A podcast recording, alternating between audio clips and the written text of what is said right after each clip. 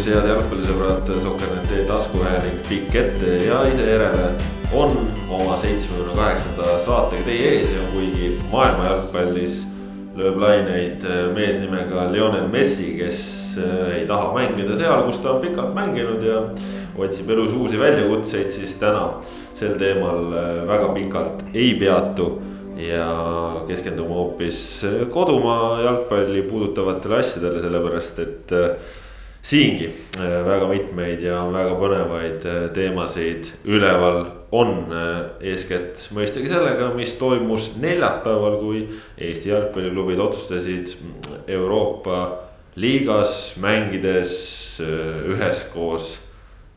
noh, nii palju kui küll mängiti, aga valmistada üldiselt pettumusi jah ja, ja sel teemal räägime, räägime täna ka koondisest ja, ja saate lõppu törts ka premium-liigast, aga aga alustame sellest neljapäevasest päevast. tõsi, seal see päev läks selles mõttes raskelt käima, et ühte mängu nagu ei toimunudki. ja toimub kunagi hiljem, selleni jõuame ka, aga, aga alustame Tallinna FC Levadiast, kes käis Fääri saartel ja noh, pidi võitma, aga aga ei võitnud ja, ja sai tuppa, et Rasmus, mis seal siis nagu nii valesti läks, et et meie jalgpall nüüd nii halvas äh, varjundis on? Äh, ma arvan, et me ei saa üle ega ümber vahetuste teemast, sest äh, Levadia lihtsalt ei saanud neid teha, kuigi, kuigi vajadust oleks olnud ja. ja teine teema, mis seal valesti läks, on kaitsemäng standardolukordade ajal või ütleme, tsenderduste ajal, et jalad maas on raske mängida kaitses, kui vastane on teisel korrusel ja meile löödi neljast väravast kolm niimoodi ja neljas värav löödi siis äh, väsinud jalgade pealt. kusjuures need äh, standardolukorrad või noh, tsenderdused, mis enda karistusalas kaotati. ei saa öelda, et seal Fääri saarte satsil oleks olnud mingid eriti võimsad õhuvõitlejad. ei, see tüüp oli, ma arvan, mingi meeter kaheksakümmend. no täiesti selline noh, tavaline normaalne vend, noh, ei, ei olnud mingi selline õudne koll, noh a la ütleme parimate päevade Tarmo Neemelu, kelle vastu oligi noh, suht võimatu nagu teisel korrusel mängida et äh, no selle Vaadja kaotus oli läbinisti igast otsast algusest lõpuni täiesti lubamatu ja häbiväärne. ma tahtsin seda pärast mängu järgi kontrollida. ma isegi enne mängu eeltööd tehes nagu imestasin, ma polnud selle ründaja pikkust endale kirja saanud, kuna ma panin pikkused ka igale poole kirja ja pärast mängu selgus, miks ma ei olnud pannud, et ta oli siis nii-öelda nii suvaline vend, et tal polnud Transfermarktis isegi pikkust kirjas. aga ma pakun, et ta on, no tundus niisugune üks kaheksakümmend seal Levadia meeste vahel olevat aga noh, jah, et see ei olnud, see ei olnud noh, aktsepteeritav esitus. ja, ja just see, see, see moodus, kuidas endale need väravad lubati lüüa, see nagu noh. see ei ole eurosarjades normaalne, et, et kui me räägime kõik, meenutan neid intervjuusid, mis ma tegin enne seda mängu Vladimir Vassiljevi ja Dmitri Krugloviga, siis noh need nagu viitasid, et kõik nagu, mis nagu Levadia on nagu selle asja nagu enda peas nagu väga selgeks nagu mõelnud, et kuidas ja mida seal tuleb mängus teha, et, et nagu õnnestuda. aga lihtsalt see nagu üks konkreetne element seal oldi nii puudulikud, et see on täiesti nagu sünge. võtmekoht selles mängus kokkuvõttes oli siis see, et, et vaatamata mängulisele ülekaalule ei suudetud äh, esimese tunni jooksul ei suudetud äh, teist väravat ära lüüa, see oli, see oli puhtalt see mäng, et kaheväravaline edu oleks kõik nagu noh. ka lisaajal pärast seda, kui üks, kolm-kaks löödi, oli variante lüüa neli-kaks. ehk et see oli see mäng, et kaheväravaline edu murrab kohe vastase maha, aga seda ei saavutatud. mänguliselt, mänguliselt oli tõesti üle, sest noh, see nagu jäi mulje, et Levadia mängib siukse Eesti, liiga keskmikuga umbes, et noh ter-, ründefaasis saadi rahulikult palli vallata, ei olnud mingisugust hirmsat survet pealt, sellist noh. ei olnud, Levadial ei olnud palli valdamisega absoluutselt probleeme, kui nad tahtsid seda teha. aga lihtsalt ei, ei saadud hakkama. no selles mõttes on see kõik ikkagi läbinisti masendav, sellepärast et Levadial oli ju mängu alguses võimalik penaltist mängu juhtima minna.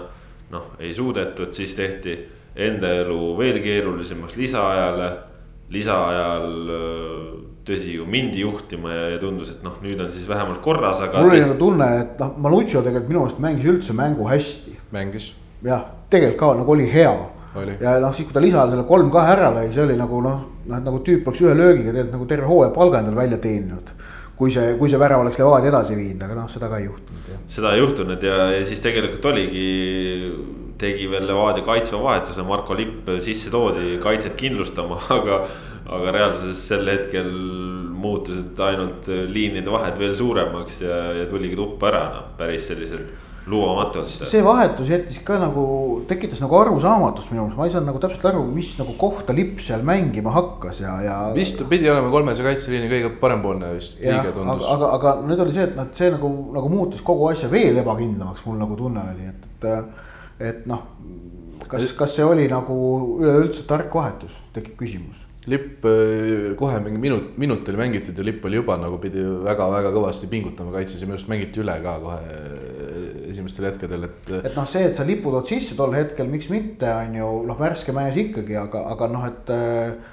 Kas oli vaja selle jaoks nagu taktikat muuta, et noh, et noh, võib mängida mitmeid positsioone jalgpallur, et nagu vaja mängib ka seda keskvälja, on ju et, et seal mul oli tunne, et tekkis nagu korralagedus ja nagu ülesanded jäid jaotamata, et, et hooaja alguses see kolmemeheline keskkaitseliin oli noh, ei olnud enam niivõrd hästi meeles ilmselt.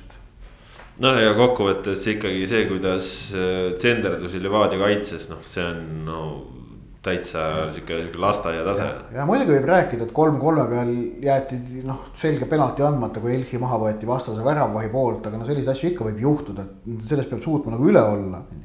et noh, seal, seal ei saa nagu rääkida, et kohtuniku süü või mis iganes, et noh, ise oli niivõrd palju võimalusi see mäng ära otsustada, aga ei saadud hakkama. ja, ja noh, otsustada ära mitte siis tingimata, kui, kui mitte väravaid lüüa, siis sellega, et ei lase endale lollakaid kotte taguda just ja noh, kui siin vahepeal lihtsalt taustaks, et äh, kui head kuulajad kuskilt äh, kaugustest kuulevad ka.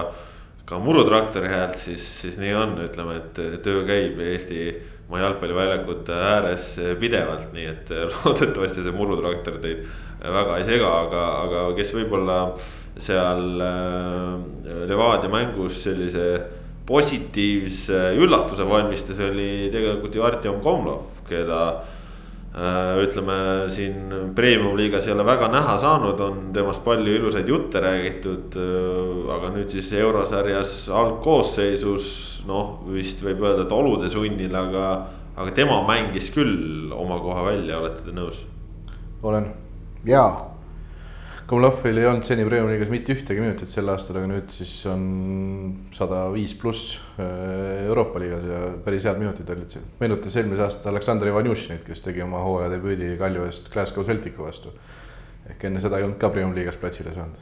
noh, tasub oodata selliseid asju, aga nagu reaalsus on see, et äh, Levadia jaoks nüüd eurosari läbi ja siit pole enam midagi ja ja noh, ma ei tea, Levadial klubina ka jälle ikkagi veel üks tagasilöök juures, et liigas ei tule asjad välja. Nüüd äh, Euroopas ka kõige parem loos saadi, noh, kõige pettumust valmistavam tulemus tehti. et selles mõttes ei ole kiita asjad, ei ole kiita asjad, kuidas edasi seal ei, no ei, no mis seal edasi, no seal ei tule nagu praegu mingeid muutusi ei tule, et noh, see hooaeg mängitakse nagu nende meestega, kes on ju lõpuni ja. lihtsalt äh, kogu see, mis siin eurosarjaga juhtus, et, et noh, mehed pidid äh, maha jääma ja, ja noh, see nagu ei jätnud äh, noh, see, see, on nagu noh, neetult, neetult kahju on kogu sellest asjast, et nurja läks, et, et see on nagu nii, nii Levadia enda jaoks. muuseas, seda nagu, et veel, veel halvem tunne oleks siis noh, et äh, see Torshavni B kolmkümmend kuus loositi hästi vastamisi Walesi klubiga The New Saints ehk et noh, täiesti mängitav vastane oleks järgmises ringis olnud, täiesti mängitav vastane. et ähm, jah, ei, no lihtsalt totaalne põrumine Levadialt, totaalne põrumine eurosarjas ja, ja kui me võtame nüüd selle vaatenurga üldse nagu eurosarja mängudele, et, et seal nagu klubid ei esinda mitte ainult iseennast, vaid ka premium-liigat ja Eesti jalgpalli tervikuna. tõsi, see on nüüd noh, siin tuleb rõhutada, et selles, see, see on nagu teiste poolt klubidele määratud, et ükski klubi ei ole kohustatud seda vastutust võtma. et me nüüd võtame vastutuse ka premium-liiga Eesti jalgpalli eest, nad vastutavad selles võistluses ikkagi ainult iseenda eest aga on täiesti nagu aktsepteeritud, et, et noh, kõrvalt nagu mõeldakse niimoodi. et ja nüüd tollest vaatevinklist võttes, siis no muidugi vedas Levadia tervet Eesti jalgpalli alt selle kaotusega. aga mitte ainult nemad, aga, aga saame sellest ka veel edasi rääkida. Nõmme Kalju ei saanudki neljapäeval Sloveenide Mura vastu väljakul, kolmapäeval tehti mängueelne trenn. peeti mängueelne pressikonverents, mis noh, Ott Järvel, kas ütled, et osutus läbinisti mõttetuteks töötundideks sinu jaoks? ei no huvitav oli ikka seal selle Muura peatreeneriga meenutasime Kadrioru staadioni rolli Sloveenia jalgpalli ajaloos, mis on teatavasti ülimalt äh, oluline ja tähtis sest et Sloveenia jaoks toimus Kadrioru staadionil nende läbi aegade esimene ametlik maavõistlus, siis kui nad Eestiga siin üheksakümmend kaks mängisid ja üks-üks viigi tegid. Et äh, ja, ja siis ka seda, kuidas ta ise kunagi Eesti koondise vastu mängis ja ütles, et lõin, lõin väga hea šansi mööda, et noh, see oli ikka huvitav jah. Marko Kristel, Igor Subbotiniga on alati huvitav juttu ajada, Kristelil oli väga hea tujupäev enne mängu nagu noh, no silma torkavalt hea tuju, kohe ma võin öelda aga jah, siis järgmine päev mul oli kena plaan tehtud, ma lähen Vesivärava grilli ja söön purksi on ju, seal on väga head purksid on, noh, seal on. On juustuburger ja peekoniburger ja. seal on pohmakaburger ka. no seda ma ei tahtnud, see mulle nii väga ei meeldi, aga, aga noh, see sinihallitus juustuburger on neil näiteks väga hea. et tõesti, mul oli noh, ma, ma polnud veel otsustanud, millise burgeri ma võtan enne mängu, mul oli kindel plaan, ma lähen söön ühe burgeri seal ja siis võtan kaks pirukat kaasa endale mängule. oi, see piruka koht, vot see on veel no,, veel parem isegi no,, ma ütleks kui burgeri koht. just, mõlemad on väga head ja selle piruka, noh, Vesivärava kohviku müüjaprouad. Need on no, legendaarsed. Eesti parimad. Eesti parimad, just. pika, pika. Eesti parimad. pika puuga, see on ainus, see on üks äh, suurimatest nii-öelda tragöödiatest, kui ma pärast seda, kui ma Kadriorust ära kolisin. no vot, aga ühesõnaga ei saanud minna burgerit sööma seal neljapäeval Vesivärava grilli, sest mängu Kadriorus ei olnud ja noh, tegelikult see, kuidas see kõik lahti rullus, on ikkagi ka päris kummaline. terviseamet hakkas mingeid signaale andma, kuna siis Nõmme Kaljus üks positiivne koroonatest anti, sama siis ka Muuras. ja, ja neljapäeva hommikul, kui jalgpalliliit eeldas, et on vaja suhelda terviseametiga, siis terviseamet ühel hetkel ütles ei, et tegelikult asju otsustab hoopis valitsus ja, ja siis mindi viimasel hetkel veel valitsuse jutule, aga noh, valitsus hakkas ajama täielikku käojaani midagi Saaremaa võrkpallikohtumisest ja nii edasi. see, mida Tanel Kiik ajas seal pressikonverentsil, see oli muidugi totaalne crap, aga äh, mõned nädalad tagasi ma oma Kuku raadio spordireporteri saates avaldasin täielikku imestust, kui Eesti Jalgrattaspordi Liit Äh, tuli välja argumentatsiooniga, et äh, kui, kui Eesti parimad ratturid ei saanud sellele Balti keti velotuurile tulla. Et, äh, et noh, põhimõtteliselt nemad avaldasid imestust, et aga UCI, mis on siis on ju Rahvusvaheline Jalgrattaspordi Liit, on teinud nii karmid reeglid, et. ja nüüd me üllatusega vaatasime, et, et need, neist nagu Eestis ei piisa noh, tegelikult ja ma ütlesin, et see on nagu alaliidu haldussuutmatus, et nad ei suutnud ennast nagu valmis panna. no et tegelikult ega meil siin jalgpallis seis ei ole erinev ehk et äh, nii klubid kui ka alaliit oleksid ju pidanud kõik need stsenaariumid ennem tuvastama, mis siis juhtub, kui. Aga jah, et noh, ütleme nii, et, et jah, kuigi see olukord on, on selles mõttes tõesti nagu pentsik, et, et kui nagu neid test, testide tegemiseks mitte mingit kohustust ei olnud riik, riigi poolt, ei Eesti ega Sloveenia riigi poolt. aga UEFA poolt oli ja UEFA poolt pandud testide sunduse tõttu Äh, seda mängu pidada ei saanud, et kui nagu neid teste poleks tehtud, oleks mängitud, poleks mingit, keegi, ükski kolm poleks köhinud. Aga kokkuvõttes on seis ikkagi see, mida me nüüd näeme ka noh, etteruttavalt äh, laupäevase Eesti-Gruusia mängu puhul. et siin tuleb nagu olla valmis kõikvõimalikeks erinevateks stsenaariumiteks. et mida, mis siis juhtub, mis on tagajärjed, kui mingid asjad eelnevalt juhtuvad.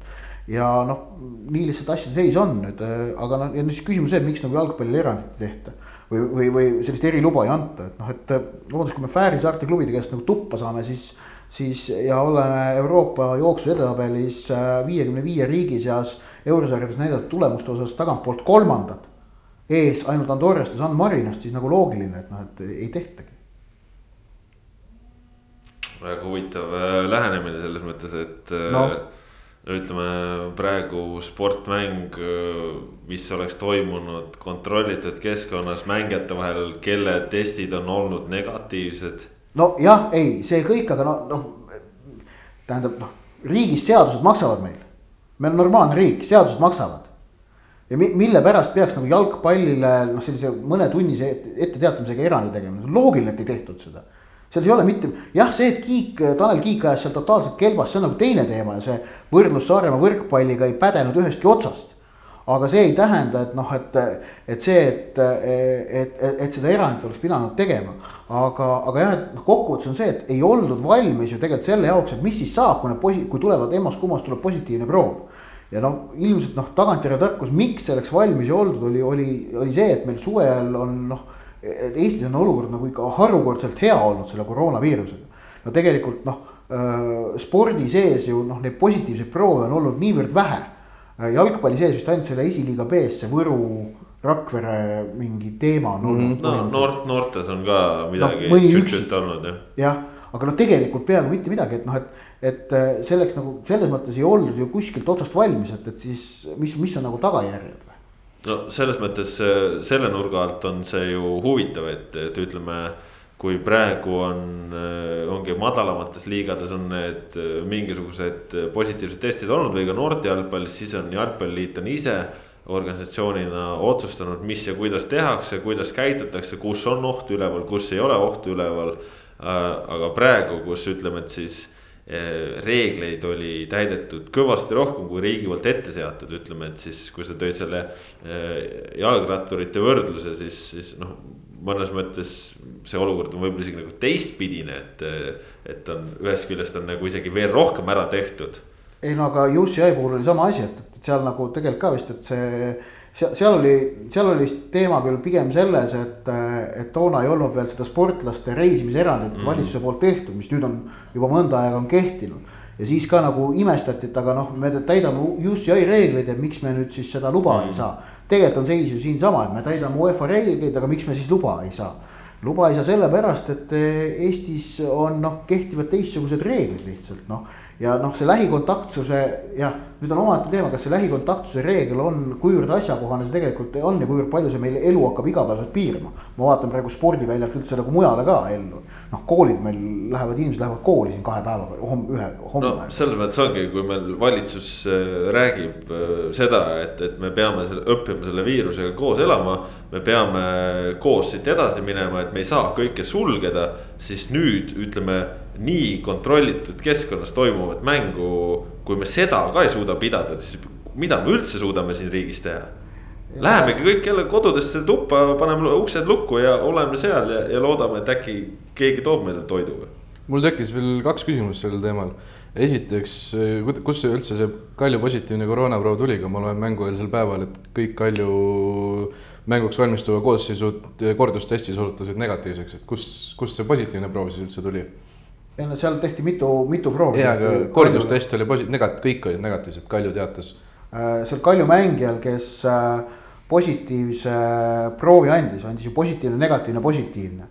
ta oli olnud äh, võistkonnaga koos ju Viljandi tulevikumängul ja järelikult kogu Kalju meeskond, kes oli tulevikumängul, loeti lähikontaktseteks kõik. ei, sellest ma saan aru. ja negatiivne test ei vabasta sind lähikontaktist, see on ka nagu Eestis äh, need sellised asjad, kui sa oled lähikontakt.... negatiivne test oli varem kui mängueelsel päeval, siis pärast seda Mis... negatiivne test oli ju esimene negatiivne, tal tuli esmaspäev või teisipäev või kunagi siis, ei tulnud või?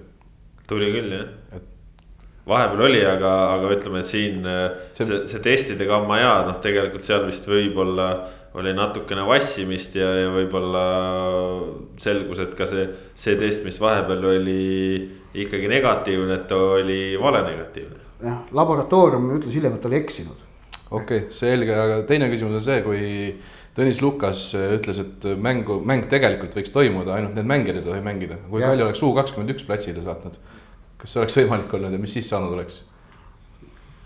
Nii kiiresti ei jõua vist mängijad ära registreerida. tähtajad on äh, UEFA-s, UEFA-s üle. aga noh, nüüd ongi, et, et noh, seis on see, et, et tegelikult kokkuvõttes ei oldud ikkagi selleks olukorraks valmis. seda stsenaariumit ei olnud enda läbi mängitud äh, ega, ega pandud paika, mis siis juhtuma hakkab.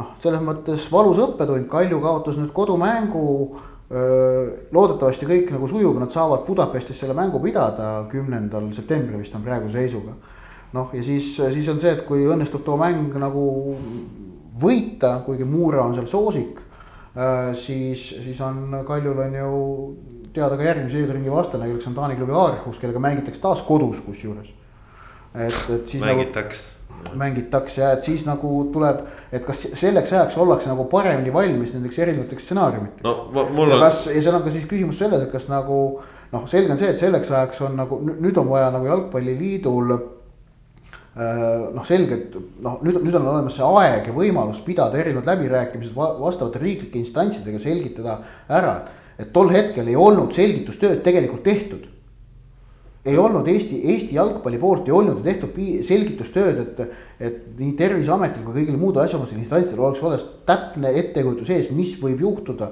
ja mida nagu, nagu tehakse. aga tegelikult ju oldi räägitud instantsidega ja, ja suusõnaline ju luba oli mängude pidamiseks olemas, selles suhtes, et. pidamiseks oli olemas eeldusel, et positiivseid koroonaproove ei ole. noh, load olid olemas kõik, et noh, mängige muidugi, et võistlusi me ei tohi pidada aga ei olnud räägitud seda, mis juhtub siis, kui emmas-kummas satsis on, on, on positiivne test.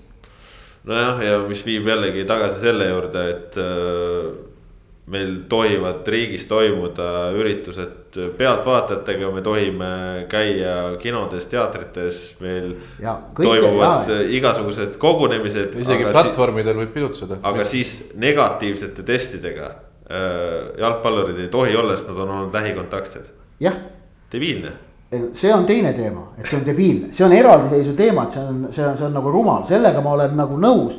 Aga see üksinda ei tähenda ju seda, et, et, et see mäng oleks saanud Eestis kehtivate reeglite järgi toimuda, noh, meil reeglid on ju paigas. nojah, ja reeglid ongi. et see, et reeglid on rumalad, see on nagu teine teema no,, aga need on eraldiseisvad asjad no..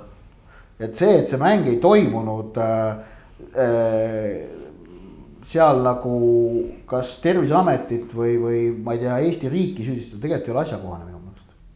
no süüdistame selle, siis. selle konkreetse mängu mittetoimumises. Üldistes reeglites, see on teine asi. süüdistame ebakompetentses riigi juhtimises siis kõiki, mis, mis. no see, et meil on ebakompetentne valitsus, see ei ole kellegi jaoks uudis no., kellel nagu endal mõistus peas no,. aga siis süüdistame ka neid. sellepärast, et noh, see on nagu kokkuvõttes, see, see on lõpuks totter, et kui Eesti klubid või siis ka koondis hakkavad mängima välismaal oma mänge, et noh, kuhu me jõudnud oleme. see reaalne oht on praegu olemas jah, kui nüüd ei anta konkreetset selget nagu noh, luba, et, et. Et need mängud võivad toimuda isegi siis, kui on need mängijad olnud lähikontaktsed. et kui seda, seda nüüd mingit nagu sellist nagu noh, garantiid, et need mängud Eestis võivad toimuda lähiajal ei tule, siis võidakse ka nüüd laupäeval Eesti-Gruusia Tallinnast ära kolida mis on räme. jah, või siis on teine variant, kui Eesti Jalgpalliliit ei, ei võtab riski, siis riskitakse lihtsalt tehnilise kaotusega. et kui, sest et kui nagu Terviseamet või, või keegi muu noh, või politsei ei luba sellel mängul toimuda, siis Eestile määratakse tehniline kaotus mis on taaskord, et ja, kuhu ja, me jõudnud oleme, me ja siis me läheme mängima Ungarisse mis on üldisele maailmale sisuliselt ennast sulgemas, aga jalgpallurid võtab hea meelega vastu, sellepärast et jalgpalli tuleb ikka mängida. Jalgpallurid läheksid sinna vist täiesti, täiesti nagu mullis kuidagi täiesti. no läheksid, aga nad olid siin samasugused, et see on, noh, see on, see on lihtsalt ajuvaba, kuhu me oleme sattunud ja, ja kuhu üldse meid nagu see tulevik viib, et äh, ma ei tea, tahaks kunagi näha mingeid häid otsuseid ka Eesti Vabariigis, et praegu mida aeg edasi, seda hullemaks siin riigis elamine nagu mingi nurga alt muutub, et me tegeleme lihtsalt idiootsustega ja selle üle on väga kahju. aga räägime siia lõppu natukene veel ka Paidest, sellepärast et Paide pidas ka oma eurosarja debüüdi ja noh, kolistas ämbreid selle nurga alt, et Vilniuse Žalgiris kindlasti oli parem võistkond. aga kindlasti oli väga mängitav võistkond, aga noh, kui sa ikkagi eurosarjas mängid sirgi jalaga, ei lähe mängijatega lõpuni, siis noh, jomma ei joona. Seal ütleme, minus see kaotus pettumust ei tekitanud, äh, sest et noh, et. minus tekitas pettumust see mängu algus lihtsalt, kuidas sa saad nii nagu saamatult jalgpalli mängida. sellega ma olen jah nõus, ma lihtsalt vahele peale ütlen, et et see, see kokkulepe või garantii, millest me räägime või et, et võimalik, et mingid asjad on seal edasiliikumises olnud, sest et kakskümmend kaheksa minutit tagasi, hetkel siis kell neliteist nelikümmend on FC Flora postitanud oma Facebooki teate, et mäng Reykjavikiga, kes neile vastu, vastuseks loositi, toimub A Le Coq Arena'l. ehk et kui nad kindlalt seda niimoodi ütlevad, siis noh, äkki, äkki on midagi nagu positiivset juhtunud. ühesõnaga Paide noh, ütleme see mängu algus kokkuvõttes äh, oli ikkagi see, mis sai saatuslikuks äh,. võistkond äh, noh, oli, tundus nagu natukene hirmunud lasti omal värav ära lüüa, noh ma, mul isegi valus rääkida sellest hetkest, kuidas see värav löödi, sellepärast et see lihtsalt pettumust valmistab. aga, aga ühesõnaga pärast seda nagu hakati jalgpalli mängima, oli variante, Anier seal ütleme, et siis oli äh, heas hoos. Anier näitas, et tema kvaliteet on ikkagi Paide ja Eesti jalgpalli jaoks midagi sellist, mida tuleb hinnata ja millest on kasu. aga, aga noh, siis tuli see teine veel tuppa ja noh, ma ei tea, no sihuke nagu halb maik jäi lõpuks suhu, sest nagu Paide eriti teisel poolel. Äh, kui Bruno Caprioli ka mängu tuli, siis hakkas see nagu mäng nagu jooksma, aga, aga mind nagu mängu jooksul lihtsalt häiris jubedalt, kuidas äh, noh, Paide kõige kogenumad mängijad äh,. nagu ütleme ka rahvusvahelist kogemust saanud mängijad ja siis nad on seal väljakul Nad võtavad palli vastu niimoodi, et kolm meetrit põrkab eemale, no, no kuidas see võimalik on, ma saan aru, et mina teen selliseid asju, aga nagu mitte premium-liiga tippjalgpallurid, no sorry, no. kui siuksed asjad juhtuvad, siis me olemegi UEFA edetabelis mingi viiekümne kolmandal kohal ja nagu ma ei tea, noh sihuke. see lihtsalt läbinisti kurb, noh lihtsalt on kurb, et me suudame nii sitasti mängida, tõesti on kurb, noh ma ise seda mängu ei näinud, vaatasin ainult tipphetki ja lugesin laivi ja ülevaateid ja nii edasi, aga kuidas seda seletada, et äh, me läksime ainult Eesti koosseisuga mängule, see oli tagantjärele õige või vale otsus, tundub nagu väga kahtluse väärtusega otsus. no selles suhtes, et äh, noh, nagu Slava Zahvaiko ütles, siis ta tegi ju algkoosseisus ainult ühe muudatuse võrreldes eelneva mänguga ja. ja noh, selles suhtes noh, ega see ju koosseis halb ei olnud, aga noh, midagi näitab selle kohta see, et vaheajal vahetati välja Sander Sinilaid. Bruno Caprioli vastu ja Sinilaid oli reaalselt halb, oli halb ja, ja noh, ütleme, et siis. ja Caprioli vist oli reaalselt hea ka. no Caprioli oli hea ja noh, teine asi on see, et äh, Karl Mööl, kes on muidu äh, Paide võtmemängija, üks paremaid jalgpallureid üldse selles võistkonnas noh, jooksis ka lati alt läbi ja, ja noh, ütleme, et Muhamed Sané, kes teda nüüd siin nädalavahetusel nägi, noh võib-olla jättis natukene parema mulje, aga noh, ega see on, treener kunagi ju ei tea selliseid asju ette, aga noh, muidugi. kui sul on võistkonnas äh, vist isegi kuus välismaalast on ju.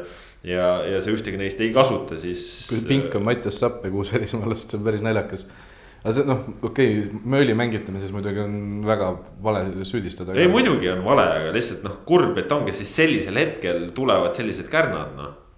sellest on kahju, noh ja inimlikult on kõik arusaadav, aga noh seal jällegi on nagu teistpidi see, et, et kui me nüüd ei, ei juhiks tähelepanu sellele, et keegi mängis halvasti, siis oleks nagu ka vale, et elamegi mullis, et kõik on hästi ja kõik on roosamanna ja. ja jube, jube kihvt on kõik, aga kui tegelikult ei ole noh. ja meil ongi lihtsalt kaks mängu ühel õhtul ja, ja mõlemas laseme täis ennast noh. ja selle üle noh, ongi kahju, sest teisel poolel Paide mängis olulisemalt korralikumat jalgpalli, Zahhovaiko noh, ütles, et tema on nagu väga rahul sellega ja tal ei ole meestele nagu erilisi etteheiteid, et noh, tõesti seal pingutati ka, aga.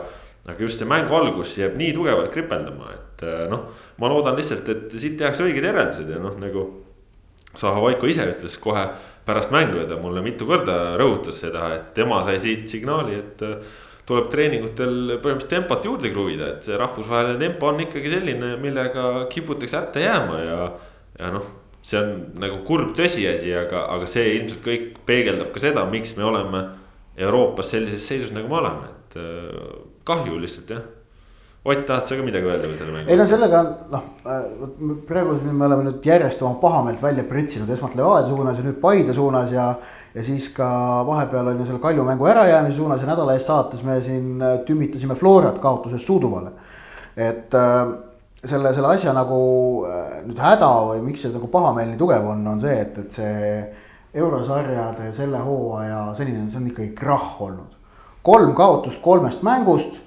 Äh, okei okay,, üks lisaajal, üks penaltidega, kaotus on kaotus, pluss see Kalju mängu ärajäämine. ja arvestades, ma kordan jälle seda sõna, mis ma eelmine kord ka siin kasutasin, emotsionaalne kapital, mida nagu Eesti jalgpallisõbrad on investeerinud tänavu nii Florasse meistrite liigas, aga tegelikult ka Eesti klubidesse eurosarjades. Eh, mis veel suurenes pärast ikkagi suures plaanis soodsat loosi. on olnud tohutu ja selle eest on praegu nagu vaatamata selle investeeringuga on saadud praegu nagu tohutult vastu pükse. Eh, sest ootused olid põhjendatult suuremad sel aastal eurosarja eel kui muidu, sest et noh, premium-liiga noh, on, tase on tegelikult nagu selgelt nagu noh, see liiga on olnud huvitavam ja tase noh, peaks olema olnud tugevam. on olnud ühtlasem igatahes kindlasti. nojah, ja, ja, ja mul on nagu keeruline arvata, et me, meie selleaastane see, see kõrgliiga tase on nüüd eelmisega võrreldes kuidagi kehvem, on ju. ausalt ei oska seda nagu niimoodi arvata et ja sellepärast ongi see pettumus on lihtsalt väga-väga tohutu praegu, mida see, mida need senised eurosarja tulemused on nagu tekitanud, nüüd tuleb loota, et edaspidi läheb paremini. ehk noh, siin on kaks šanssi on veel alles, et Kaljul tuleb Muuraga mängida nüüd Budapestis. Noh, keeruline, aga noh, ei ole võimatu ja Floral on Islandi meister Reykjavik vastas. ja selle osas siis see, et noh, et Island ja suur ja vägev, no Islandi koondis tõesti on vägev, on ju, aga siis, siis Islandi klubid tegelikult ei ole Äh, midagi nagu Euroopas juba mõnda aega korda saatnud, eelmisel hooajal Islandi klubid esinesid Euroopas äh, äh, kehvemini kui Eesti klubid.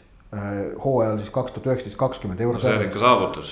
Nad Islandist vähem punkte sinna sellesse UEFA edetabelisse, millest korduvalt on juttu olnud, teenisid eelmisel hooajal ainult kaks riiki. Põhja-Makedoonia ja San Marino Äh, Islandi äh, kõik kolm klubi Euroopa liigas langesid sel hooajal esimeses ringis välja. Reykjavik, kellega Flora kohtub, äh, sai esimeses mängus Celtici käest null kuus tuppa. Noh, mis ei ole küll mingi ime ega midagi erilist, aga noh, noh Celtic peabki no Reykjaviki võitma. aga noh, see mäng ja Flora mängib nüüd kodus Reykjavikiga, no see mäng on kindlasti võidetav mäng Äh, ütleme objektiivsete hinnangute põhjal ma pakun, et Reykjavik peaks olema isegi nõrgem võistkond kui Suduva, natukene. Äh, kuigi noh, suures plaanis väga olulist vahet ei ole. ehk et nüüd jällegi jõuame sinna, kui Flora peab tegema selgelt hea mängu, et too kohtumine võita. no see peab olema, noh, tähendab Floralt on õigus nõuda selles mängus võitu. Ehk kui oleks ta vastus olnud Jürgarnes, siis muidugi oleks noh keppi, pekkis olnud ju noh aga äkki on, äkki on asi nii, et.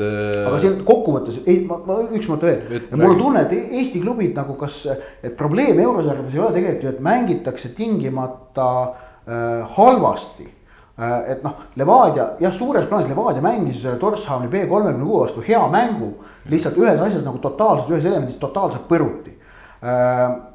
Ja Flora mängis Suuduva vastu ka üldises plaanis tegelikult hea mängu Äh, aga paistab, et see eurosarjas on siis mängida veel juba isegi, isegi nagu osatakse, aga see võitmine eurosarjades, vot see on asi, mida ei osata. ja see on nagu kinni ka vist peas.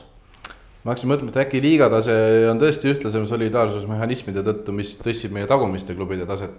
aga see tipud äkki ei ole siis edasi läinud ikkagi vahepeal no või siis endiselt, no ma mõtlen, et, et kui me neid mänge vaatame, siis ju ütleme, ongi alati ei ole seda, et, et vastane oleks kuidagi hirmsa trammiga nad üle jooksnud, aga, aga Eesti klubid ei. ei oska võita, nad konkreetselt nii nagu Ott ütles, no Eesti klubid on lihtsalt, ma ei tea, no elanud kakskümmend viis aastat sellise. sellises rütmis, et me, kui me Euroopas väljakul läheme, siis saame tuppa ja Eesti koondis samamoodi ja ja siis ongi.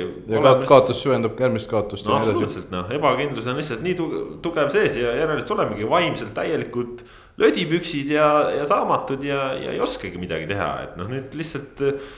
kõik, kes tunnevad ennast häirituna nendest lausetest ja tahavad tõestada, et ei ole lödipüksid, siis no näidake, et suudate midagi, noh näidake noh. näidake, et oska, oskate jalgpalli mängida, võib kuulda ja lugeda küll, kuidas kuradi ma jube hästi mängisime, no mis vahet seal on, kuidas te mängite, õppige võitma, kurat. jalgpallis loevad tulemused et noh, see on lihtsalt endal viskab ka juba noh.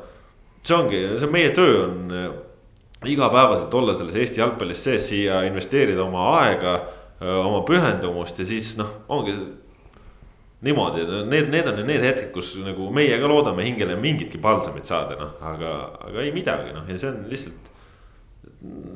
neetult kurb on selle üle, et noh, ma ei tea, no palgake siis omale psühholoogid või, või õppige midagi tegema, et noh, see nii ei saa ju edasi minna, noh, nii ei saa noh. kuhu me jõuame sedasi, kuhu me jõuame? no ma kirjutasin täpselt, kuhu me jõuame, et me oleme jooksnud edetabelis viiekümne kolmandad ning kui liiga hästi ei lähe, siis läheb Andorra ka mööda. peagi jõuame viiekümne neljandaks. jah, et, et siin ütleme, lähitulevik selles vallas midagi head ei tõota, nüüd lihtsalt järgmist hooajast see muudatus on, et seda kui siiamaani on olnud see, et, et Euroopa liigas ja ka meistrite liigas need eh, tabeli tagumised, tagumised otsad mängivad neid EL-EL ringe. mis on siis üks ring enne seda veel, kui Eesti klubid on liitunud. siis neid enam uuest hooajast ei ole, sellepärast uuest hooajast Euroopas tuleb see tugevalt kolmas eurosari Conference League. Või kui me, me peame selle jaoks muuseas mingi muu nime välja mõtlema kui konverentsiliiga, ma ei ole nõus seda kuradi kasutama, see on nagu nii, nii õudne nimi. aga okei okay,, see selleks, et ja seal siis noh, enam seda eel-eelringi ei ole, ehk et sellised, ütleme noh, oli mingi lootus, et äkki Eesti kukub sinna eel-eelringi, kus on võimalik punkte teenida mängudes Gibraltari, Fääri saarte ja San Marino klubidega, aga seda varianti ka nüüd ei ole. saarte vastu me no, ei saaks sealt võib-olla palju punkte. nojah, no see oli Fääri saarte klubil minu arust ikka esimest korda juhtus see, kui Eesti klubi alla jäi. ja, ja sellesama klubi oli tegelikult kaks okay. korda Kaljule kaotanud. aga ühesõnaga, et tegelikult noh, see konkurent, e-, e-, eurosarja olukord järgmisest hooajast selles mõttes muutub keerulisemaks, et kõikidel muutub punktide teenimine veidikene keerulisemaks. Äh, mis tähendab omakorda siis jah, seda, et, et äh, et sellest põhjast välja ronimine on jällegi keerulisem. Nii et äh, seis ei ole hea minu meelest jah, selle, selles, seda, seda tabelit vaadates. kui ja, ja siis noh, oluline on sealt viimase viie seast välja pääseda, et saaks selle neljanda eurosarja koha tagasi jah, aga no ütleme, et kui klubi jalgpallirindel Eestis siis rahvusvahelisel tasemel on noh, ütleme, et väga palju pole enam kuhu langeda, sellepärast et no ütleme, et kaelani sitas juba oleme, et kas nüüd jääb pea ka sinna sita alla või mitte, seda saame näha, aga. Aga noh, koondise jalgpall sel nädalal Eestis teemad üle võtab ja noh, selles mõttes koondisrindel meil peaks olema ikka päris hästi, sellepärast et Karel Voolaid ikkagi ütles, et alla nelja punkti kindlasti nädala jooksul mängima ei lähe, et siis on vähemalt lootus võita midagi.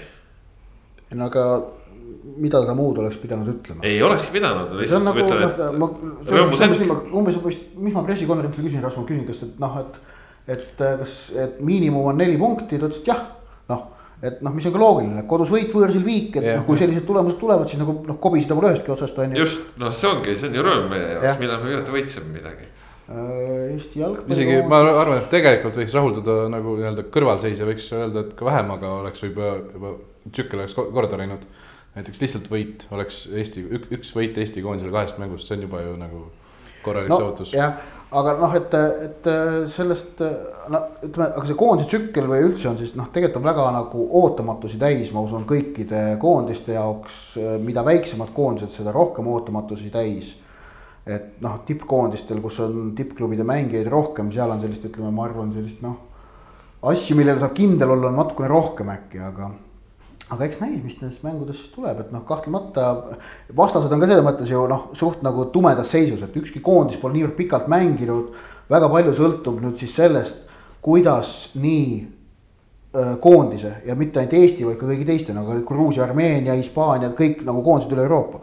esiteks, kuidas selle, kuidas suudab nende, selle koondise peatreener noh selle mõne päeva jooksul, mis tal tegelikult ettevalmistuseks on aega pärast kümnekuulist pausi, kui koondis viimati koos käis. sest kõik koondised käisid viimati koos novembris kaks tuhat üheksateist. Äh, tekitada ikkagi sellise noh, süsteemsuse, tuletada meelde mingid põhiasjad ja selle põhjal noh, anda võistkonnale kätte sellised lihtsad, aga täidetavad juhised.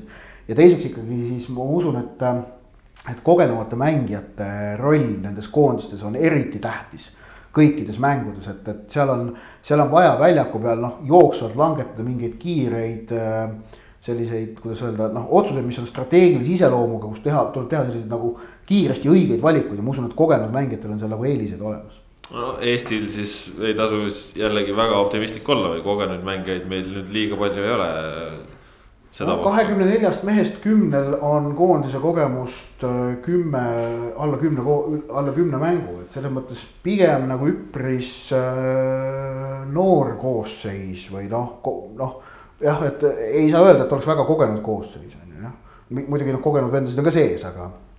aga noh, seal on ka noh, teatud asjad on nagu paratamatud, et ongi, et noh, et näiteks noh, aasta eest kogemust andis Gerd Kams ja, ja andiski noh, täpselt sellist kogemust, mida tegelikult praegustes nendes mängudes oleks vaja.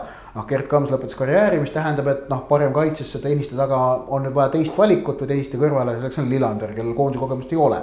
noh, see on nagu loogiline progress või või ka see, et noh, et Artur Pikk, kes pole pikalt vist mängida saanud. no mitte nüüd nii pikalt. tegelikult mängis neljateistkümnest okay. sel aastal peetud kohtumist on ta kaheteistkümnes no, igatahes otsus vasakkaitse osas on see praegu, et noh, et on, on Kallaste ja Järvelaid on, on need valikud, et noh, Järvelaid ka koondise kogemust tal ei ole, noh samas tal noh, Eesti tippmängude kogemust on palju jällegi. et, et sellepärast nagu seda, seda koondise kes-, koondislaste keskmise koondise mängude arvu, need need asjad nagu alla kisuvad või see, mis väravavahtide osakonnas juhtus lihtsalt, et. Et kolmest esimesest valikust kaks kukkusid ära, et, et Meerits sattus isolatsiooni seoses koos ülejäänud Kalju meeskonnaga. Igonen sai vigastada neljas valik oli Nõmm, kes on ka isolatsioonis ja jäi sellepärast välja viies valik oli Pehter, kes, kes siis noh, kutsuti esialgu kolmandaks, ma usun, et on endiselt kolmas. Ehk et Kotenko, kes toodi nüüd kogemust, just nimelt seal oli muidugi väga noh, see on väga hea ja tark otsus praegu Voolaidit, et seal ei olnud vaja hakata mingit kedagi leiutama, keda me siit premium liigast nendest nooremast veel võtame. nüüd on olukord see, et nüüd oli vaja kogemust ja võttis Kotenko noh, äsja mänginud ka rahvusvahelise mängu Levadias olnud põhiväravaht pakun, et väravahtide hierarhia on, et Hein mängib, Kotenko on varumees ja Pehter on kolmas. see tundub väga loogiline, aga tõesti, ma arvan ka just sellises emotsionaalses plaanis on hea, et me ei lähe ikkagi mängul vastu olukorras, kus meil mitte ühelgi väravahil pole mitte ühtegi koondise mängu, et. Äh, selline neljakümne kanti olev väravaht natukene lisab äh, sinna kasvõi harjutuskordadesse tõesti seda vajalikku rahulikkust ja. aitab pingeid maha võtta. jah, et ei noh, ei, ei tasu arvata, et Poom seda ei võtaks, aga, aga just, et noh, et selles ka selles kolmeses väravavahtide punnis oleks nagu üks vend sees, kes nagu ütleb. Noh, nii, nii Heinale või Pehterile, et noh, et rahu, et noh mis iganes see on, et noh, A-koondise esimene, esimene A-koondise kogunemine mõlemale teisele värale, muidugi on noh. seal peavad, peavad liblikad kõhus olema, noh kui ei oleks, oleks midagi väga valesti Äh, ja kindlasti ma usun, et ka on, aga noh, sellised positiivsed liblikad, kes nagu paitavad, mitte nagu ei. näri. näri jah. ja, ja noh, siis äh, tegelikult äh, niimoodi mõtlema hakates, et, et mitmes Eesti koondise väravat siis lõpuks koondise kutse sai selles mõttes, et noh. Vahepealt ju ka Mihkel Aksalu ja, ja Leppmets, Sergei Leppmets on, on ka vahepealt siit välja läinud, kes ju eelmisel aastal ka koondislased olid, nii et selles mõttes.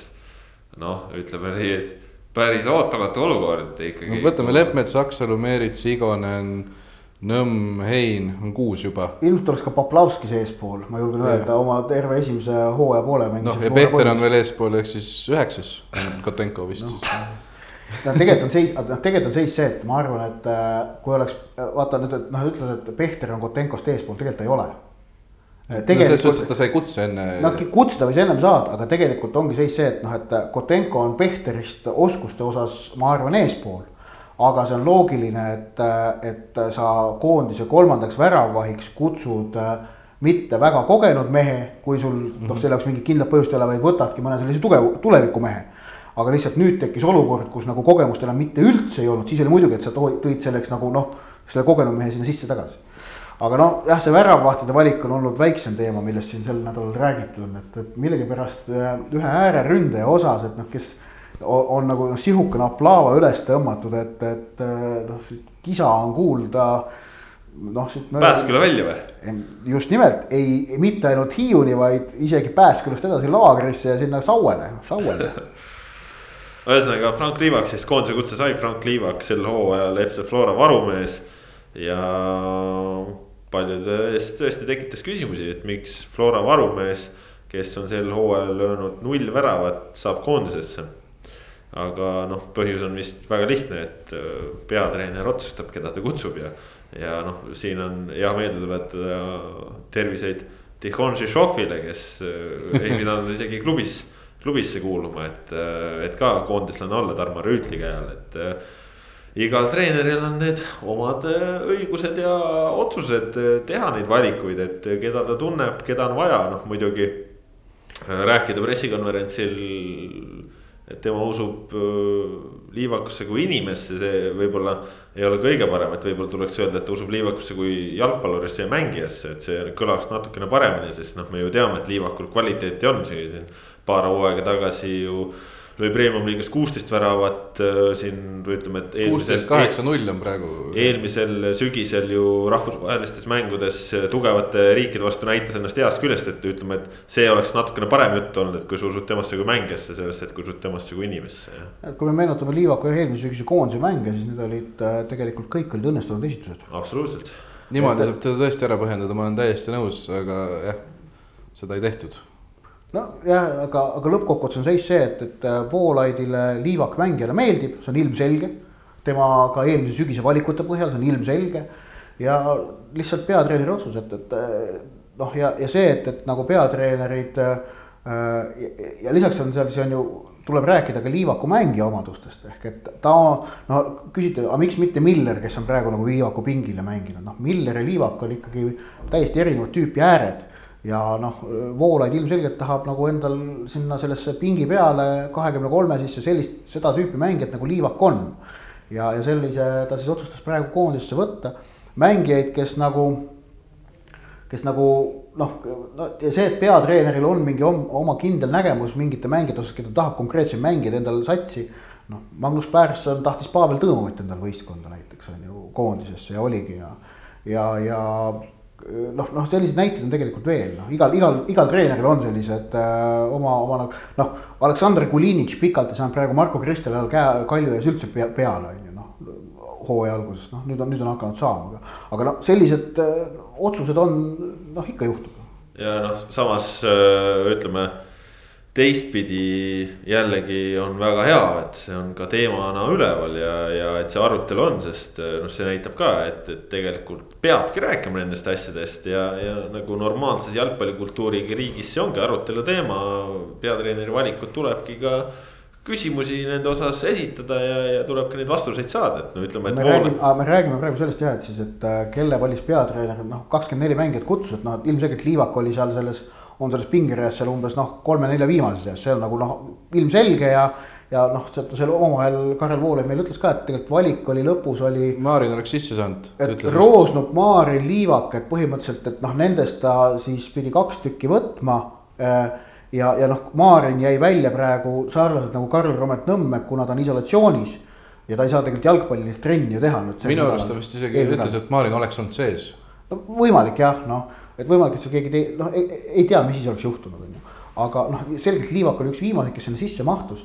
ja selle ümber nagu tõmmata üles säärane aplaava, nagu praegu on juhtunud. noh, see on lapsik ma ei tea, ma, ma, ma arvan, et nagu arutelu peab ikkagi olema ja ma ütlen. see ei ole olnud enam arutelu, see on olnud ju. no ma ei tea, ma ei ole võib-olla nii süvitsi lugenud neid. ma mingeid asju olen paraku noh, et, et see ei ole olnud enam arutelu, see on olnud nagu lihtsalt sõim noh. No sõim ei ole hea muidugi, sõim ei ole hea, aga arutelu on hea ja, ja noh, võib-olla siis lihtsalt ka. Karel Voolaidil jälle natukene tarkuseterasid, et kuidas oma sõnu valida et noh, kui sa räägid äh, puhtalt inimeste pealt, siis on veel häid inimesi. Aga noh, see selleks, äh, vist äh, üldiselt ootab meid siis laupäeval ees mäng Gruusiaga ja. ja noh, mis mõlemat koondist iseloomustab, on ikkagi see, et, et koroonaviiruse tõttu kõik jalgpallurid, keda tahetaks koondistes näha, ei ole kohal, no Eesti poole pealt siis võib-olla eelmise hooaja komeet Erik Sorga jääb USA-sse, grusiinidel samuti mängijaid, kes MLS-is pallivad ja, ja tulemata jäävad, aga teistpidi on meil ikkagi ka väga põnevaid nägusid siin nüüd ongi noh, Karl Jakobeina nime juba mainisime, tema nüüd A-koondises, Georgi Dunjov A-koondises, et selliseid huvitavaid asju näha saame ja tegelikult äh, Rahvuste Liiga, noh nagu teame, pakub eeldatavalt väga võrdseid vastasseise, nii et äh, isegi täitsa nagu põnevusega ootaks seda laupäevast mängu, et äh, mida suudab Eesti näidata Gruusia vastu. siin on mul selline, ma olen noh, vaata nagu ma räägin nüüd ühe selle nalja, mis mul ikka meeldib rääkida, et, et sõltumatu Šveitsi labor uuris aastaid seda, et kuidas nagu oleks jalgpallis kõige parem äh, penalt kindlasti väravasse lüüa, penalti kindlasti väravasse lüüa ja siis pärast pikki aastaid pikkust uurimist leiti, et kõige kindlam viis penaltist värava löömiseks on lüüa palli tugevalt ja ristnurka. et samamoodi ma tõden ka Eesti koondise mängude puhul, et ma olen siin nagu aastatepikkuse kogemuse ligi noh, mul üheksakümmend kaks, kes inimesed kohta, kakskümmend kaheksa aastat kogemust ütlevad, et, et alati on huvitav Eesti koondise mängu ajal hea tunne sees ja selline noh, ärevus sees ja mõnus, mõnus selline põnevus sees, et. et see on mul jah tõsi, jah, et Eesti koondise mängud alati on põnev. no põnev, siis saab ka see olema veel näha, et, et kas see mäng tõesti toimub siis lõpuks meil siin koduvabariigis või mis sellest saab, aga. aga pealtvaatajaid tõesti ka tribüünidele lubatud ei ole koosseis, nagu ütlesime, on pigem äh, vähe kogenud aga samas kvaliteeti seal tundub olevat korralikult, nii et selles mõttes noh, väga selline sihuke tunne, et kuidagi hästi teistmoodi koondis no igas mõttes seda pausi arvestades. kõiki neid erinevaid tegureid arvestades meil väljakul jookseb. teeme siis sihukese väikse sisetundmuse kaemuse ka, et Rasmus, mis sa arvad, kas, kas ja mida Eesti laupäeval saavutab? Gruusia vastu siis Just. ainult jah? ja, ja järgmine mäng on alles teisipäeval. jah, siis jõuame, jõuame uuesti ennustada, no mul on äh, selline tunne sees, et mäng vähemalt tuleb äh, hea Eesti poole pealt, äkki siis üks-üks viik pakun. Ott, kuidas sul tunne on? ma arvan, et Eesti võidab. kas niimoodi, et katus ka sõidab või minimaalsemalt? katus ei sõida, aga võidab. no ma, ma ei näe nagu, tähendab, vastane on, ei, ei saa öelda, et vastane oleks kuidagi nagu nõrgem, pigem vastane noh, vähemalt no, suures plaanis sama tase, aga. aga noh, mille, noh, miks mitte, noh, võiks ju võita küll ma ma, ma tõesti, no ma ei näe nagu põhjust minna, ma ei näe põhjust minna sellise nagu negatiivselt siia nagu selle, sellele mängule vastu, et siin nagu. no ilmselgelt väga palju sõltubki sellest no mõtteviisist ja mõttelaadist, mida, mis selle mängu eel nagu äh, mõlemas võistkonnas äh, valitseb ja. Ja noh, praegu nagu ütleme mingit nagu märki või põhjust, miks peaks olema nagu nega-, miks, miks peaks olema negatiivne. Mul ei ole, et, et ka see, et okei okay,, Igoneni väljalangemine on nagu mure, ma arvan, et Igonen oleks mänginud ja Hein oleks olnud varu. kui nad mõlemad oleksid olnud olemas, kuigi selle kohta pole midagi öeldud. võimalik, äkki oleks tehtud mängud nagu pooleks jaotatud. aga, aga ma selles, ma ka ei näe probleemi ausalt öelda, et nagu noh. praegu nagu läheks nagu positiivselt peale, vaatame esimese mängu ära ja sealt saab hakata edasi vaatama mul on ka minu sise, sisetunne on hetkel positiivne, loodan äh, väga ilusaid asju ja kahtlemata, kui neid ei juhtu ja neid ei sünni, siis lihtsalt nädala pärast tuleb uus ränd äh, siin saates ja. ja noh, ma lihtsalt loodan, et seda ei peaks tegema, sest ma ise isiklikult nagu,. tahaks vahepeal rõõmu ka saada. loomu poolt, loomu poolest nagu sihuke positiivne inimene ja just nagu optimistlik ja nii edasi ja. ja noh, tõesti siin täna sai juba nende klubide kallal võetud, et äh, koondise kallal nagu ei tahaks võtta väga, et võiks tulla äkki hea nädalavahetus, et. mul sünnipäev ka tulemas, äkki teevad ekstra kingi või nii loodame seda, aga saate lõppu natukene ka Premiumiga juttu tõesti väga palju siin ei räägi, sellepärast et. noh, ei toimunud ju ka kõiki mänge, sellepärast seesama Kalju ja, ja Tulevik ja, ja koroona siin äh, mängis asju ringi, Kalju ja. Tulevik oma mängud äh, siis jätsid pidamata ja, ja nende vastased Flora ja Leegion mängisid omavahel. sellest võib-olla alustame ka põgusalt, Flora sai Leegioni üle ainult üks-null võidu nädal varem oldi natukene veenvamad, kolm-üks Kadriorus paremad oldi, nüüd siis ainult üheväravaline paremus ja, ja Ott tegelikult vist Leegion teisel poolel oli päris lähedal sellele, et see mäng ka viigistada. see oli selline Leegioni esitus oli selles mõttes nagu minu arust kummaline, et neil paremad võimalused tekkisid teisel poolajal aga minu meelest nende mäng, ründemäng eh, oli esimesel poolel parem, tõsi, lõppteravust ei olnud, aga muidu ründemäng oli parem. ja esimene poolaeg oli siis see, kus mängisid koos Andreev ja Prosa ehk et Prosa mängis Andreevit toetavat rolli. ja see, seda oli huvitav vaadata, see minu meelest nagu toimis. teisel poolel pandi sirg joonelisemaks ja siis nagu Flora seal taga natukene ebales ja noh, Flora oli selgelt noh, see emotsionaalne väsimus, mida Jürgen Henn mainis, see oli ilmselgelt näha, et noh, Flora tegelikult oleks eelistanud ju noh, et minu arust need mõlemad viimased mängud Leegioniga on tulnud nagu kangutades. pärast seda Suduva kaotust, no ilmselgelt, põhjus on arusaadav. aga noh, näitab taset, et mõlemad mängud ära võideti äh,. Äh, nii et ühesõnaga, aga Leegioni puhul jah, minu arust see, see Deniss Belov pärast mängu oli nagu noh, ütles jah, tulemus noh, on pettumus, aga kõik muu nagu, et ta oli nagu selgelt nagu noh, rahul sellega, mida tema võistkond oli näidanud ja, ja ma saan täiesti aru, miks ta rahul oli.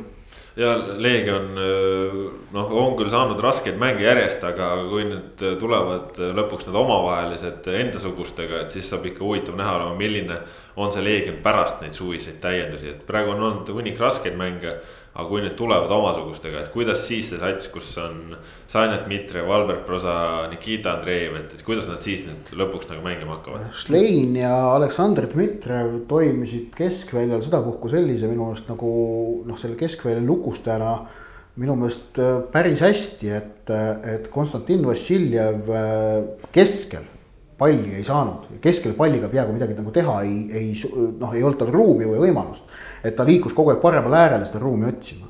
Äh, ja sealt noh, sealt ka ohtlikud pallid kasti poole teele pani ja niimoodi. aga noh, seegi väike positiivne märk vast, et et see nagu, kuidas Šlein ja Dmitrijev oma koostöö klappima saavad, see on nagu Leegioni seda viimast ringi arvestades väga oluline. sest et noh, Dmitrijevi lisandumine lükkas ju Šleini tema tavapäraselt kohalt sealt kõige alumise poolkaitse koha pealt e ära. Sest seda kohta mängib Dmitrijev ja nüüd nad peavad selle noh, peavad nad, nad peavad koos selle sünergia seal klappima saama. ma ei ole kõiki Leegioni mänge näinud, aga, aga mingitel hetkedel äh, isegi tegelikult nad olid suhteliselt kõrvuti või, või ka Schlein sai seda. ütleme oma kiiruse poolest mingitel hetkedel jäi ikkagi ise alumiseks, aga, aga ma siin ei hakka praegu süvitsi minema, sest, sest tõesti äh, viimaseid Leegioni mänge ei ole saanud nii põhjalikkusega vaadata, aga. no nüüd Leegionil on kolm suurt järjest olnud enne seda, kui mängiti nii-öelda viimase omasuguse vastu, kui tulevikku tohib sel aastal pidada omasuguseks siis mängiti ju väga hästi ja võideti, nii et ma arvan, et Leegion noh, nüüd on see raske seeria hakkab läbi saama, siis äh, järgmisena tuleb äh, Transkure Tammeka, siis sealt või mingi kolm pluss punkti vähemalt ootaks. no Tartu Tammeka käis äh, pühapäeval Paides, läks täiesti filigraansest väravast mängu juhtima. See, kuidas Sten Reinkord leidis selle madala tsenderduse, see, kuidas Andre Pajusele jalge vahelt jättis Tristan Koskarile oli ilus vaadata ja Koskar normaalselt lahendas ära ka, aga siis. Paide ridades ärkas mees nihuke Davis esimest korda premium-liigas algkoosseisus ja. ja no nägime ikkagi kvaliteeti, nägime seda siin põgusalt juba ka äh, möödunud nädala jooksul, kus, kus ta nii euromängus kui ka Kuressaare vastu väljakul sai, aga aga seal on seda tehnikat, kiirust, sirgjoonelisust ja ikkagi nälga. võimsust ja füüsist ka ikkagi ja nii-öelda ei ole selline selline tehniline poiss, keda palli pealt ära saab lükata, vaid ta ikka suudab hoida ka seda ja löögid väga head, täpsed, aga mitte liiga tugevad ja ma arvan, et Karl-Juhan Pehter videost üle vaadates näeb, et ka tema oleks pidanud paremini tegutsema. sest need olid, no vähemalt üks oli ikkagi tõrjutav, mina, minu arust isegi mõlemad aga noh, Paide vähemalt äh, tuli nüüd ka, jäid äh, taha, said kerge šoki, aga väga kiirelt reageerisid ja. ja tegelikult Paidel neid variante seal mängus oli ikkagi noh, ikka väga-väga palju. oli, oli ja, et äh, selline, kui, kui eilse päeva esimene mäng, mida mida kajastasin siis pärast mängu Sander Läht ütles, et seda mängu oli igav vaadata pealtvaatajatel, et oli selline võitluslik ja suhteliselt väheste olukordadega. null-null, hooaja viies null-null üle ka. Trans, Trans Kuressaare siis. jah, Trans Kuressaare mäng tuli null-null, siis äh, see Paide ja Tammeka kohe, kohe sinna otsa mõne minuti pärast. siis nagu, siis nagu hakkas pihta ka, siis, siis ikkagi juhtus asju ja, ja ega sellest Trans Kuressaarest ei ole midagi rääkida ja, ja tegelikult väga palju ei ole ka Levadia Tallinna Kalevi mängust, kus Levadia siis sai kindla kolm-null võidu, aga. aga mida siis võib-olla see voor näitas, et äh, Euroopas äh, suhkamisse saanud äh, Paide ja Levadia ikkagi tulid selles mõttes positiivselt tagasi, et mõlemad said võidulainele ja Levadialt Kalevi vastu kindel esitlus. Jah, väga kindel esitus oleks Kandolt ja sellistelt meestelt, kes mängida ei saanud, oleks sellist noh, rohkem sellist vihast ja tõestamisvajadust täis mängu näha, tahtnud, aga, aga piisas palju vähemast. piisas palju vähemast ja võib-olla ainus huvitav lüke, mida me selles mängus nägime, Brent Lepistu Zurahovski mängu toomise järel viimase sihukese pooltunni mängis siis keskkaitses. jah, see ütleme ega ma sealt midagi välja ei saanud lugeda, kuna ta tööd põhimõtteliselt ei olnud seal keskkaitses, et noh. see oli ilmselgelt äh, plaan, suunaga tulevikku, et äh, seda tahetakse mingil hetkel hakata rohkem praktiseerima ja anti talle esimesed pool tundi ära. niisama seal noh, positsiooni valik ja kerge söödu lükkamine seal teise keskkaitsega ja nii edasi, aga ma arvan, et äh, siit suuri järeldusi teha ei saa jah, noh, ütleme Vladimir Vassiljev ju ütles ka, et nad on pikalt mõelnud selle peale ja, ja Kalevi vastu, kus keskkaitsjate roll ei olegi mitte kaitsta, vaid mängu üles ehitada, Lepistu selles mõttes. noh, ideaalne lahendus siin, huvitav on lihtsalt nüüd siis jälgida, et kas Lepistust saab, ma ei tea, sihuke Barcelona Xavi Mascherano, kes äh, oli ka varem kontrolliv mm -hmm. poolkaitse, aga niivõrd domineeriva mängustiiliga võistkonnas lihtsalt liigutati tahapoole ja. ja noh, tegelikult ju Manchester City'st äh, Fernandinho näol siin väga värskeid selliseid näiteid, et äh, saab huvitav näha olema aga Levadia Kalev tõi siis teise tagajärjega ka kaasa, mis siin meil saate lindistuse ajal äh, ilmnes, ehk et Liivo Leetmaa ei ole enam Tallinna Kalevi peatreener, vaid, vaid on sellest ametist lahkunud või vabastatud, eks seda teevad asjaomased täpsemalt ning Dmitri Kalašnikov hakkab jälle tabeli lõpus virelevat satsi päästma. eelmine hooaeg Kuressaarega sai ta hakkama selles mõttes, et tõsi, üleminekumänge tuli pidada, aga sealtkaudu jäädi premium-liigasse püsima nüüd siis suhteliselt sarnane ülesanne ma Tallinna Kuressaare oli ikka lihtsam, Kuressaarest Maardu, Kuressaarega Maardu edestamine oli lihtsam. Kui Kalevi ma üheksandaks mõtlen. ajaliselt sarnane. Ajaliselt küll. et noh, umbes üks ring on nagu aega, et siis sellega nagu asi ära teha ja. aga noh, praegu Kalevil ikkagi no keeruline on näha, kuidas nad, kuidas nad suudavad Leegionist, nad on viis punkti maas, on ju no selle tagasivõtmine ei ole naljaasi ja nad on Kuressaarest maas juba kaheksa punkti ja see on nagu suht võimatu. Ehk et ainuke variant Kalevil on tõesti kuidagi Leegion ära süüa, aga ma nagu öeldud, Leegion tegelikult liigub praegu tõusustrendis ikkagi.